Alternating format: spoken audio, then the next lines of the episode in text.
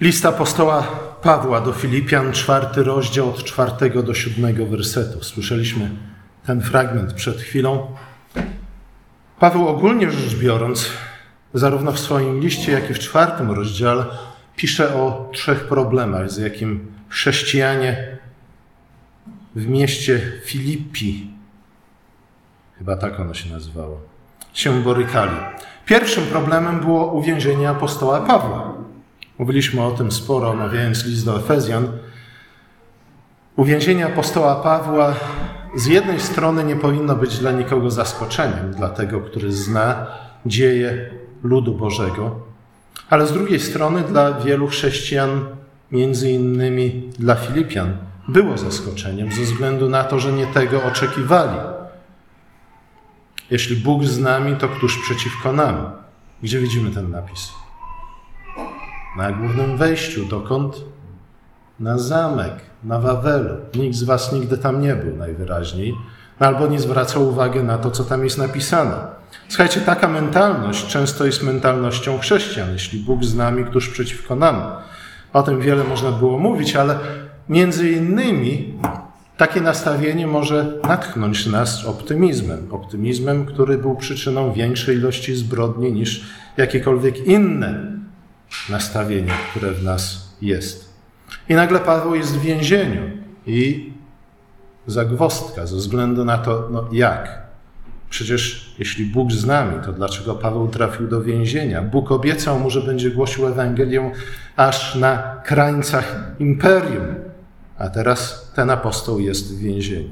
Drugim problemem była opozycja, opozycja zewnętrzna, prześladowania, które może do tej pory jeszcze nie przybrały jakiejś bardzo dramatycznej formy, niemniej jednak narastały. I znów pytanie, jeśli Bóg z nami, to skąd ta opozycja? Przecież jeśli Bóg z nami, to powinno nas czekać jedna wielka seria zwycięstw. Te dwa problemy oczywiście przychodziły z zewnątrz. Nie były zawinione przez chrześcijan w Filipi.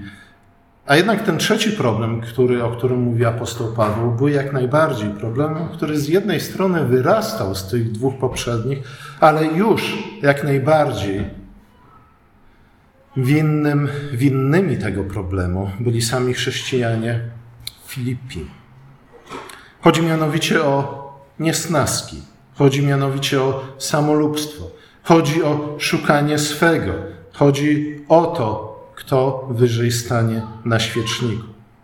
Uwięzienie Pawła i rosnąca opozycja, czy też prześladowania zasiały niepewność w sercach chrześcijan w tym mieście, niepewność, a nawet lęk i trwogę, skutkiem czego były właśnie wzajemne niesnaski, kąsanie się, a nawet jak w innym liście Paweł pisze, wzajemne pożeranie się. Lęk i trwoga, nasze tłumaczenia często mówią tutaj o troskach, ale greckie słowo merimneon oznacza zwykle, zwykle jest tłumaczone jako, jako troska, ale można je również tłumaczyć jako właśnie niepokój, lęk, obawa, a nawet trwogę, czyli jakieś głębokie i przejmujące uczucie niepewności i właśnie braku pokoju co do przyszłości.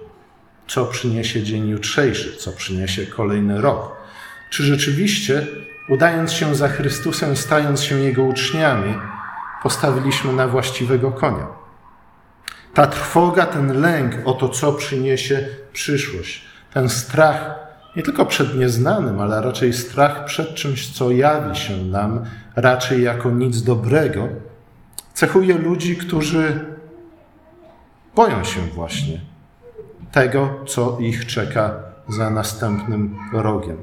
Zwłaszcza wtedy, kiedy sprawy nie układają się zgodnie z ich oczekiwaniami, a z drugiej strony, kiedy sprawy układają się zgodnie z naszymi oczekiwaniami.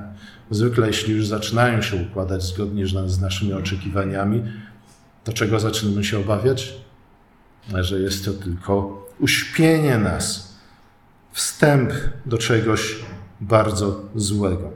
Słuchajcie, taki lęk, taka trwoga o przyszłość oczywiście powoduje, czy też wprowadza w nasze życie stres i nadwrażliwość.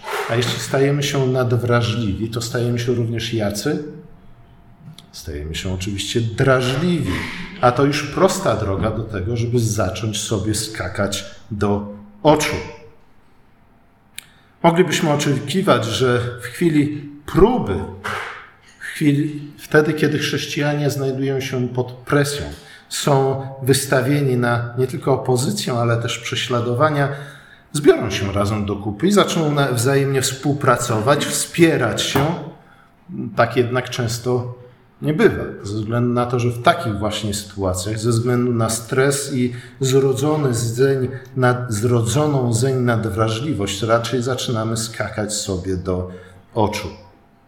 Mówi o tym Paweł w tych kilku wersetach poprzedzających fragment, który czytaliśmy na początku czwartego rozdziału, kiedy napomina właśnie niejaką Ewodię i Syntychę, żeby nie skakały sobie do oczu, ale żeby raczej zrezygnowały z tego i okazały wzajemną miłość, albo przynajmniej jakąś dozę wzajemnej tolerancji. Ciekawe jest to, że Ewodia i Syntycha, mogliśmy powiedzieć, to nie były dwie pierwsze postaci, które gdzieś tam funkcjonowały na obrzeżach zboru Filipi, ale jak Paweł wyjaśnia, były dwoma kobietami, które swego czasu bardzo intensywnie włączyły się w służbę Ewangelii. I również one, właśnie ze względu na uwięzienie Pawła i prześladowania, z którymi spotkali się chrześcijanie w tym mieście, zaczęły sobie nawzajem skakać do oczu. Kiedy słyszałem takie kazanie, gdzie ktoś czytał inny fragment, co prawda, ale mówiący o rozwodach i innych strasznych rzeczach, które działy się w jakimś tam zborze chrześcijańskim w czasach apostolskich, E, I ten swoją drogą dość zdolny kaznodzieja powiedział, no ale między nami takie rzeczy nie mają miejsca. Słuchajcie, nic podobnego, nic podobnego. Jeśli z takim nastawieniem podchodzimy do wszelkiego rodzaju napomnień i zachęceń ze strony apostoła, to niestety niczego się nie nauczymy. Słuchajcie, w obliczu tych trzech źródeł lęku i trwogi, które z kolei rodzą nadwrażliwość, i skutkują tym, że zaczynamy skakać sobie do oczu. Zresztą, słuchajcie, gdybyśmy byli szczerzy, z ręką na sercu, musielibyśmy przyznać, że ostatnie półtora roku dokładnie to na to nas naraziło. Znaleźliśmy się pod stresem wielkim, staliśmy się nadwrażliwi, staliśmy się drażliwi i zaczęliśmy skakać sobie do oczu. Wystarczy wejść na Facebook. Dokładnie to tam widzimy. Oczywiście każdy powie, że o nie, bo ja, że tak powiem, bronię tutaj prawdy Ewangelii. Być może można jej bronić w nieco inny sposób. Słuchajcie, Paweł w obliczu tych trzech źródeł lęku i trwogi zaleca trzy środki zaradcze: radość, łagodność i modlitwę. Oczywiście, gdyby ktoś nas spytał, czy przyjmujemy te medykamenty, każdy z nas by odpowiedział, je oczywiście, jak najbardziej. Jestem radosny, jeśli inni ludzie mi na to pozwalają. Jestem łagodny, o ile nikt inny mi nie drapie po marchewce. No i oczywiście modlę się każdego dnia, przynajmniej przed jednym z posiłków. Kiedy apostoł mówi o radości, to ma jednak przede wszystkim nie jakiś stan błogości, czy też zadowolenia, samozadowolenia, które odczuwamy od czasu do czasu, zwłaszcza po dobrym posiłku, y, ale mówi raczej o świętowaniu, o wspólnym świętowaniu, ze względu na to, że w tamtej kulturze, a także w Piśmie Świętym, gdybyśmy je kiedyś przeczytali z uwagą, radość odnosi się przede wszystkim do wspólnego świętowania. Ile psalmów mówi właśnie o radosnym pielgrzymowaniu, a jeśli pielgrzymowaniu, to w grupie pielgrzymów do Jerozolimy, do świątyni na święta na to, żeby tam nakupić sobie wszystkiego, czego dusza pragnie i cieszyć się, radować się wspólnie z wszystkimi przed tronem Boga. Wspólne świętowanie ma to do siebie, że nie tylko podnosi nas na duchu. Słuchajcie, to jest właśnie ten problem. Często nam się wydaje, że jeśli już Pan Bóg da nam powody do świętowania, to będziemy świętować. I niewątpliwie powinniśmy świętować, jeśli Pan Bóg da nam powody do świętowania, ale, ale Pismo Święte zachęca nas do tego, abyśmy świętowali również wtedy, kiedy nie za bardzo dostrzegamy tych powodów do świętowania. Zwłaszcza, że jak byśmy tak się dobrze przyjrzeli historii ludu Bożego i przeczytali Pismo Święte, to zauważylibyśmy, że mimo wszystko tych powodów mamy wiele. Ale wspólne świętowanie ma to do siebie, że właśnie podnosi na duchu, a także buduje wspólnotę i pogłębia więzi. Słuchajcie, no, to był jeden z tych pierwszych, a być może nawet pierwszy problem, z jakim spotkał się człowiek po tym, jak Pan Bóg go stworzył. Jaki to był problem? Że był sam. Nie ma nikogo wokół siebie, kto by mógł mu pomóc. Pomóc w czym? Pomóc spełnić jego przeznaczenie, stał się, sta, stać się tym, kim Bóg chciał, aby człowiek się stał. W księdze Izajasza w 61 rozdziale właśnie tak prorok opisuje sposób, w jaki Pan Bóg leczy złamane serca i pokrzepia, czy też rozpala na nowo zgaszonego ducha, a mianowicie przez wspólne świętowanie, a zwłaszcza przez wspólne śpiewanie pieśni chwały. Jaka jest sytuacja? Miasta Izraela są zdewastowane, zburzone, mosta są zamienione w ugory. I właśnie w takich okolicznościach Pan Bóg mówi: Słuchajcie, daję wam pieśń chwały. W tych okolicznościach, nie czekając na to, aż wasz los się odmieni, macie śpiewać pieśni chwały, ponieważ one pobudzą was i wzmocnią was do odbudowy miasta i do zasiania pól na nowo. Znów radość tutaj nie jest czymś, co spada na nas jak manna z nieba ze względu na jakieś sprzyjające okoliczności, ale jest raczej tym, czym możemy się cieszyć, też czego możemy doświadczyć, kiedy nasza uwaga skupia się na chwale Boga, na Jego wielkich dziełach. Ta radość właśnie daje nam siłę, aby, aby stawić czoła przeciwnościom, aby podnieść się z ruiny, z tragedii, z katastrofy. Paweł jest w więzieniu, co wygląda na pierwszy rzut oka jako porażka. Pan Bóg go zawiódł. Niektórzy by powiedzieli prawdopodobnie ze względu na brak wiary Pawła albo może paru innych osób, które mu towarzyszyło. Ale tak nie jest. Słuchajcie, czyż Józef nie doświadczył tego samego, zanim Pan Bóg uczynił go ojcem dla faraona? I znów, gdybyśmy, nie tylko gdybyśmy znali tę historię, ale też gdybyśmy śpiewali pieśni o tych historiach, pamiętalibyśmy o tym. To by ukształtowało nasz sposób myślenia, nasze pojmowanie historii, dziejów i tego, w jaki sposób Bóg nas przez nie prowadzi, ale to również by zmieniło naszą mentalność. Jestem w więzieniu. Nie dlatego, że okradłem staruszkę, ale ze względu na moją wierność Panu Bogu, ze względu na Ewangelię. Cóż to oznacza? To oznacza, że Pan Bóg szykuje mnie do czegoś niezwykłego. I oczywiście to niezwykłe nie zawsze musi się skończyć tak jak w przypadku Józefa, że zostaniemy ojcem dla faraona albo też dla prezydenta Ameryki, ale coś innego, być może zaskakującego. Niemniej jednak, tak na pewno będzie. I właśnie dlatego mamy opiewać w pieśniach chwały wielkie dzieła Boga, aby natchnęły nas w trudnych chwilach, aby pokrzepiły nasze serce. Pełnią one rolę podobną do trylogii Sienkiewicza. Ktoś z Was czytał? Nie, to zachęcam. I ja wiem, że one nie są aż tak super dokładne historycznie, niemniej jednak pełnią swoją rolę, pokrzepiają serce. Pieśni jednak chwały, które śpiewamy, nie tylko pokrzepiają serca, ale dokładnie nam nie tylko opisują, przypominają, ale także interpretują to, co się wydarzyło, wielkie dzieła Boże. Słuchajcie, dokładnie to czynił lud Boży. Śpiewał pieśni, pieśni chwały o tym, jak Pan Bóg swoim mocnym ramieniem wyprowadził swój lud z Egiptu. O tym, jak Jaar swoim mocnym ramieniem przebiła czaszkę Sysery. O tym, jak Szamgar swoim mocnym ramieniem i swoim ościeniem na woły nabił, czy też zrobił przy jego pomocy, z jego pomocą szaszłyk z Filistyny. Takie pieśni mamy śpiewać One nas natchną, one pokrzepią nasze serca, one rozpalą na nowo przygasłego ducha. To jednak nie wystarczy. Słuchajcie, gdybyśmy się tylko i wyłącznie na tym zatrzymali, to znów opanowałaby nas jednak mentalność hura optymistów. Gdybyśmy dokonali więcej złego niż dobrego, ze względu na to, że każda siła, każda moc musi być poskromiona, bo jeśli nie zostanie poskromiona, wyrządzi więcej złego niż dobrego. Dlatego Paweł następnie wzywa nas do łagodności. I słuchajcie, nie zapominajmy o tych dwóch: siła i łagodność. Jezus mówi o tym w błogosławieństwach. Zgadza się, błogosławieni cisi albo łagodni, ponieważ co? Co oni zrobią? Sprawdźcie w domu.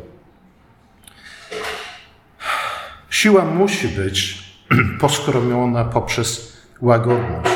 Temu tematowi Paweł poświęca większą część drugiego rozdziału listu do Filipian, w których mówi o Bogu Synu, który nie bacząc na własne przywileje, stał się człowiekiem, następnie przyjął rolę sługi, poszedł na przeklęte drzewo krzyża.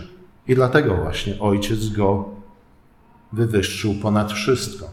Właśnie na tym przeklętym drzewie krzyża przyszła na niego największa pokusa od strony tych, którzy wołali: Słuchaj, jeśli jesteś synem Bożym, to co zrób? Stąp z tego krzyża. Słuchajcie, siła nieposkromiona przez łagodność, siła nieposkromiona przez dyscyplinę, dokładnie by to uczyniła, nie? Ale byłaby to siła porywcza, która więcej złego czyni niż dobrego.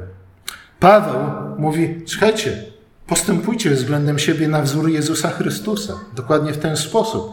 Kiedy już pieśni chwały natchną was siłą, pokrzepią wasze serca, dodadzą wam entuzjazmu i energii, to nie zapominajcie o tym, że to właśnie łagodność, samodyscyplina, samoopanowanie pozwoli wam wykorzystać tę siłę we właściwy sposób. Inaczej bowiem przejmie nad wami kontrolą brak cierpliwości, zniecierpliwienie i będziecie chcieli być może zbyt szybko, zbyt wiele dokonać. Jeśli upodobnimy się do Chrystusa w Jego uniżeniu, to Ojciec wywyższy nas razem z Nim. Słuchajcie, ta myśl jest bardzo ważna ze względu na to, że ona właśnie przypomina nam o wadze cierpliwości. Musimy czekać na właściwy czas, kiedy Bóg, Ojciec, wywyższy nas tak, jak wywyższył Chrystusa. Jezus był nie tylko na krzyżu poddany tej próbie, czy też tej pokusie, ale także na początku swojej służby, kiedy Duch Święty zaprowadził go na pustynię, aby tam diabeł go kusił. Również tam diabeł mówi: Słuchaj, nie wątpię w Twoją moc, nie wątpię w to, że jesteś w stanie zamienić kamienie w chleb. Oto tutaj i teraz oferuję Tobie, daję Tobie wszelką władzę jeśli nie w niebie, to przynajmniej na ziemi. Jesteś w stanie ją przejąć i być może dokonać wiele dobrego. Ale Jezus mówi nie. To jeszcze nie jest właściwy czas. Jeszcze się nie dopełnił mój czas.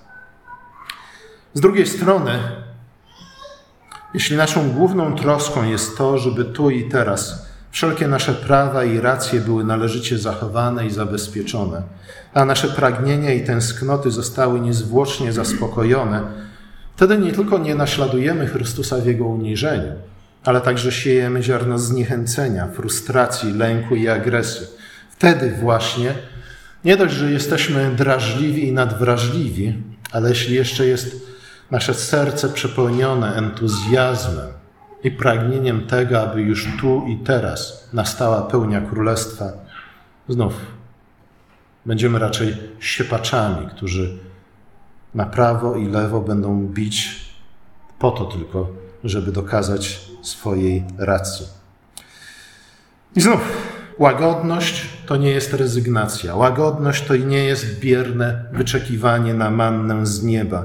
To nie jest również apatyczne, stoickie poddanie się okolicznościom, ale to jest właśnie samokontrola, opanowanie, dyscyplina, dzięki którym jesteśmy w stanie we właściwy sposób spożytkować naszą siłę i nasz entuzjazm.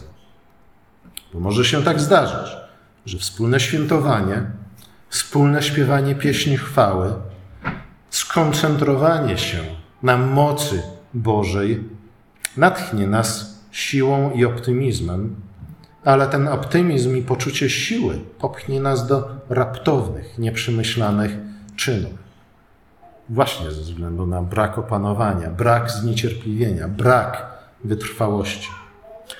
I w końcu Paweł mówi, ale to jeszcze nie wystarczy. Nie tylko pieśń chwały, która natchnie Was radością, ale też entuzjazmem, optymizmem, również łagodność, która sprawi, że będziecie w właściwy sposób będziecie w stanie we właściwy sposób je spożytkować, ale także modlitwa. Modlitwa i dziękczynienie, ponieważ to one przezwyciężą wasz lęk i waszą trwogę napełnią wasze serca pokojem Bożym. I znów, jak zwykle, powinniśmy udać się tutaj do przykładu Chrystusa.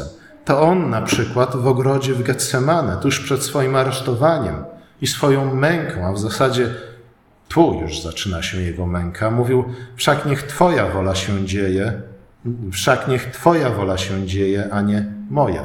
Jeśli mamy wypić ten kielich, to wypiję go. Słuchajcie, właśnie na krzyżu, właśnie w tej modlitwie, w męce i w pasji Chrystusa widzimy moc, która jest w stanie się w pełni kontrolować. I w związku z tym osiągnąć to, co zamierza.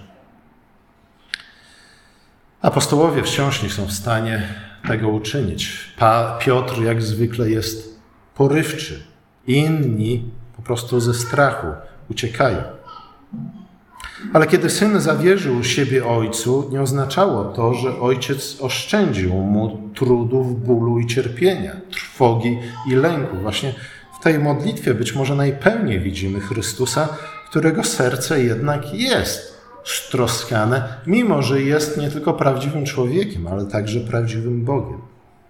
Poszedł na krzyż, gdyż ufał, że ojciec przeprowadzi go pewną dłonią do samego końca. Przeprowadzi go przez tą dolinę cienia śmierci na drugi koniec, gdzie czeka go obficie zastawiony stół wobec jego nieprzyjaciół.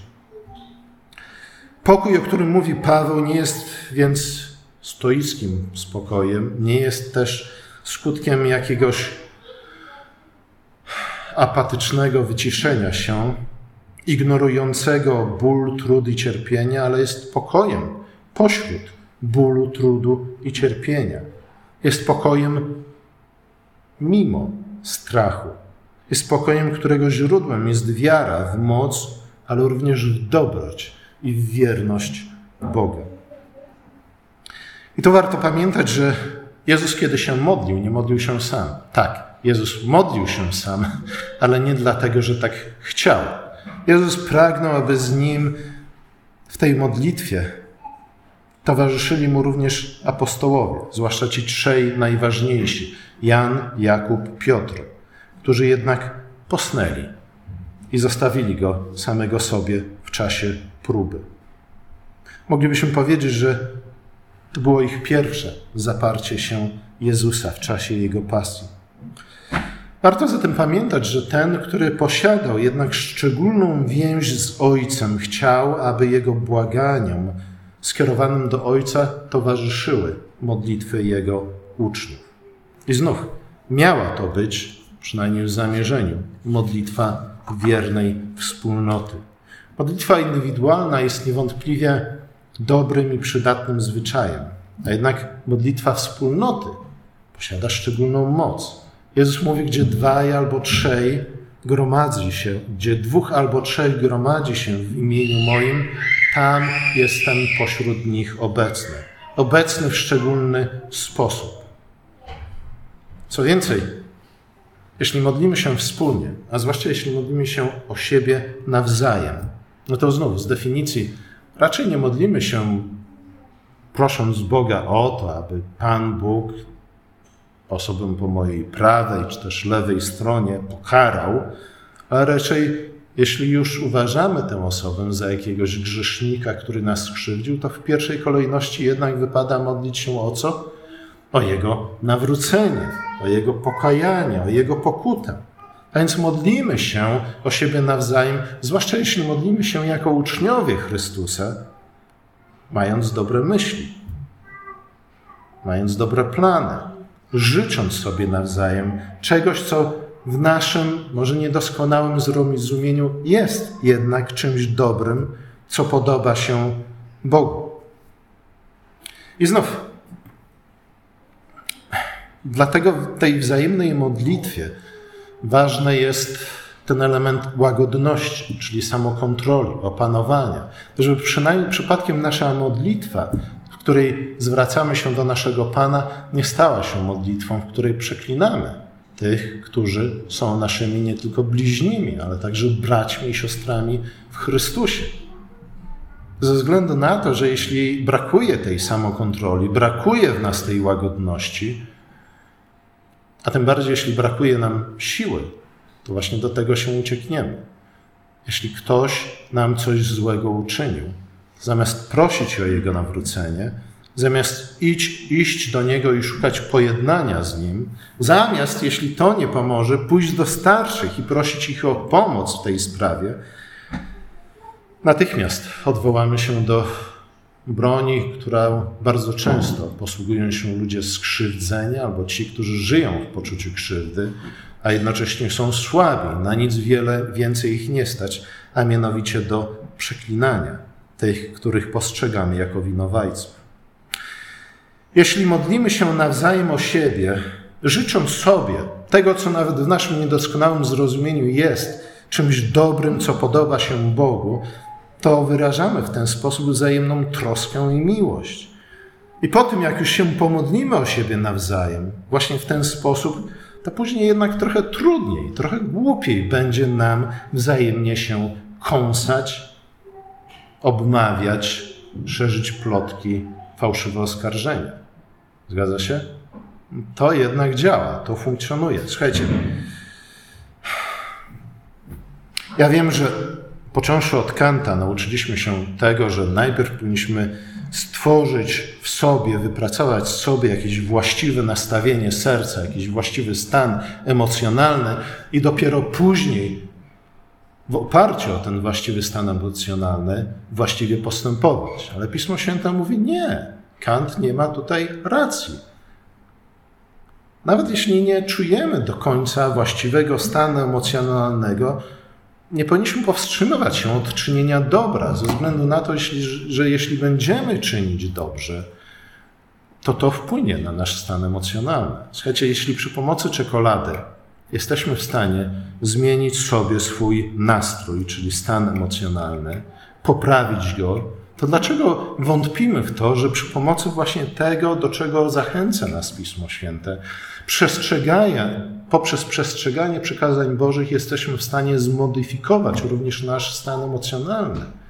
Tak to działa. Jeśli czekolada działa, to również przykazania Boże działają. To również czynienie dobra zmienia nasze nastawienie, naszą mentalność i nasz stan emocjonalny. Słuchajcie, tak naprawdę o tym mówiliśmy już mówiąc o pieśni chwały. Jeśli pieśni chwały, jeśli wspólne świętowanie jest w stanie zmienić nas od środka, to co przychodzi z zewnątrz jest w stanie zmienić nasze wnętrze, to nie wątmy również w to, że czynienie dobra jest także w stanie zmienić nasze wnętrze, nasze nastawienie, całą naszą mentalność. Oczywiście nie tak hop siup, nie od razu. Nie wystarczy dać jakiejś kobiecie 20 groszy, jeśli prosi nas o 10 zł, nie? i nagle staniemy się ludźmi dobrymi. Nie. To oczywiście trwa w czasie. Dokładnie tak jak wychowanie dziecka. Generalnie rzecz biorąc, ludzie, którzy modlą się o siebie nawzajem, życząc sobie czegoś dobrego, trudniej im później przychodzi skakać sobie do oczu i kąsać siebie nawzajem. Tak to działa. Ja wiem, że to nie jest wielka filozofia, ale tak to działa. W samym środku tego fragmentu znajdujemy słowa Pan jest blisko. Pan niewątpliwie jest blisko. Słuchajcie, musimy pamiętać o tym, że Pan jest blisko, żebyśmy nie sprowadzili jednak mimo wszystko całego chrześcijaństwa do jakiejś wspólnej, e, gromadnej psychoterapii. Zgadza się? Nie? Chociaż mówię, to działa. Wspólne śpiewanie pieśni chwały działa. Wspólna modlitwa o siebie nawzajem działa. Ale działają, działają właśnie dlatego, że Pan jest blisko, że Pan jest Emanuelem, że On jest Bogiem z nami, że On jest Bogiem, który stał się człowiekiem. Przyjął rolę sługi, umarł za nas, aby zyskać nam życie wieczne. On nie jest Bogiem dalekim, On nie jest Bogiem obojętnym, On nie jest Bogiem nieczułym, jest bliskim Bogiem, jest Bogiem dla nas. I o tym w szczególny sposób przypominają nam te nadchodzące święta. Przez wcielenie Syna jeden z Trójcy stał się człowiekiem i pozostanie człowiekiem już na zawsze. On jest głową, my jesteśmy ciałem. Jego los jest nierozerwalnie związany z losem Jego ludu. Gdzie On jest, tam i my będziemy. Ale z drugiej strony, gdzie my jesteśmy, tam jest również On. Jak mówi psalm, pośród zgromadzenia wielbiącego Go ludu przebywa Pan. Pan mieszka w chwałach swego ludu. Dlatego również tak ważne jest, abyśmy wspólnie śpiewali pieśni chwały, ze względu na to, że to czyni nas świątynią Bożą, to czyni nas świętą górą, to czyni nam, nas miejscem, na które wstępuje Bóg w swojej chwale. I właśnie dlatego nie tylko pobudza nas, leczy nasze rany, pokrzepia nasze serca, rozpala zgaszonego ducha, nie tylko dyscyplinuje nas, abyśmy tę siłę byli w stanie we właściwy sposób spożytkować, ale on również przemienia nasze serca, kiedy wzajemnie modlimy się, życząc sobie, kiedy modlimy się, życząc sobie nawzajem wszystkiego najlepszego. To działa ze względu na to, że Pan jest między nami. To podoba się Bogu, to wspólne świętowanie. Podoba się Bogu i dlatego powinniśmy to czynić. Powinniśmy to czynić dlatego, że On mieszka w chwałach swojego ludu. Ale powinniśmy to czynić również dlatego, że On leczy nasze rany i podnosi zgaszonego ducha, kiedy śpiewamy pieśni chwały. On usuwa lęki trwogę, on, on tchnie w nas nadzieję. On zniecierpliwienie zastępuje wytrwałością. On egoizm zastępuje pokorą i łagodnością. On sprawia, że ci, którzy do tej pory szukali swego, a więc trudnili się zabieganiem o swoje własne korzyści, nagle zaczynają zabiegać i troszczyć się o dobro i powodzenie bliźniego. Ale znów, nie zapominajmy, w jaki sposób Pan Bóg, Pan Bóg to czyni. Właśnie poprzez pieśni chwały, które On sam nam daje, poprzez wzajemną modlitwę i dziękczynienie, poprzez usługiwanie sobie nawzajem, na wzór Chrystusa. O tym mówi cały list do Filipian. Dzieje się coś złego między wami? Spójrzcie na Chrystusa. W pewnym sensie prawdziwe jest stwierdzenie, że Jezus jest odpowiedzią na wszystkie problemy i pytania. Amen.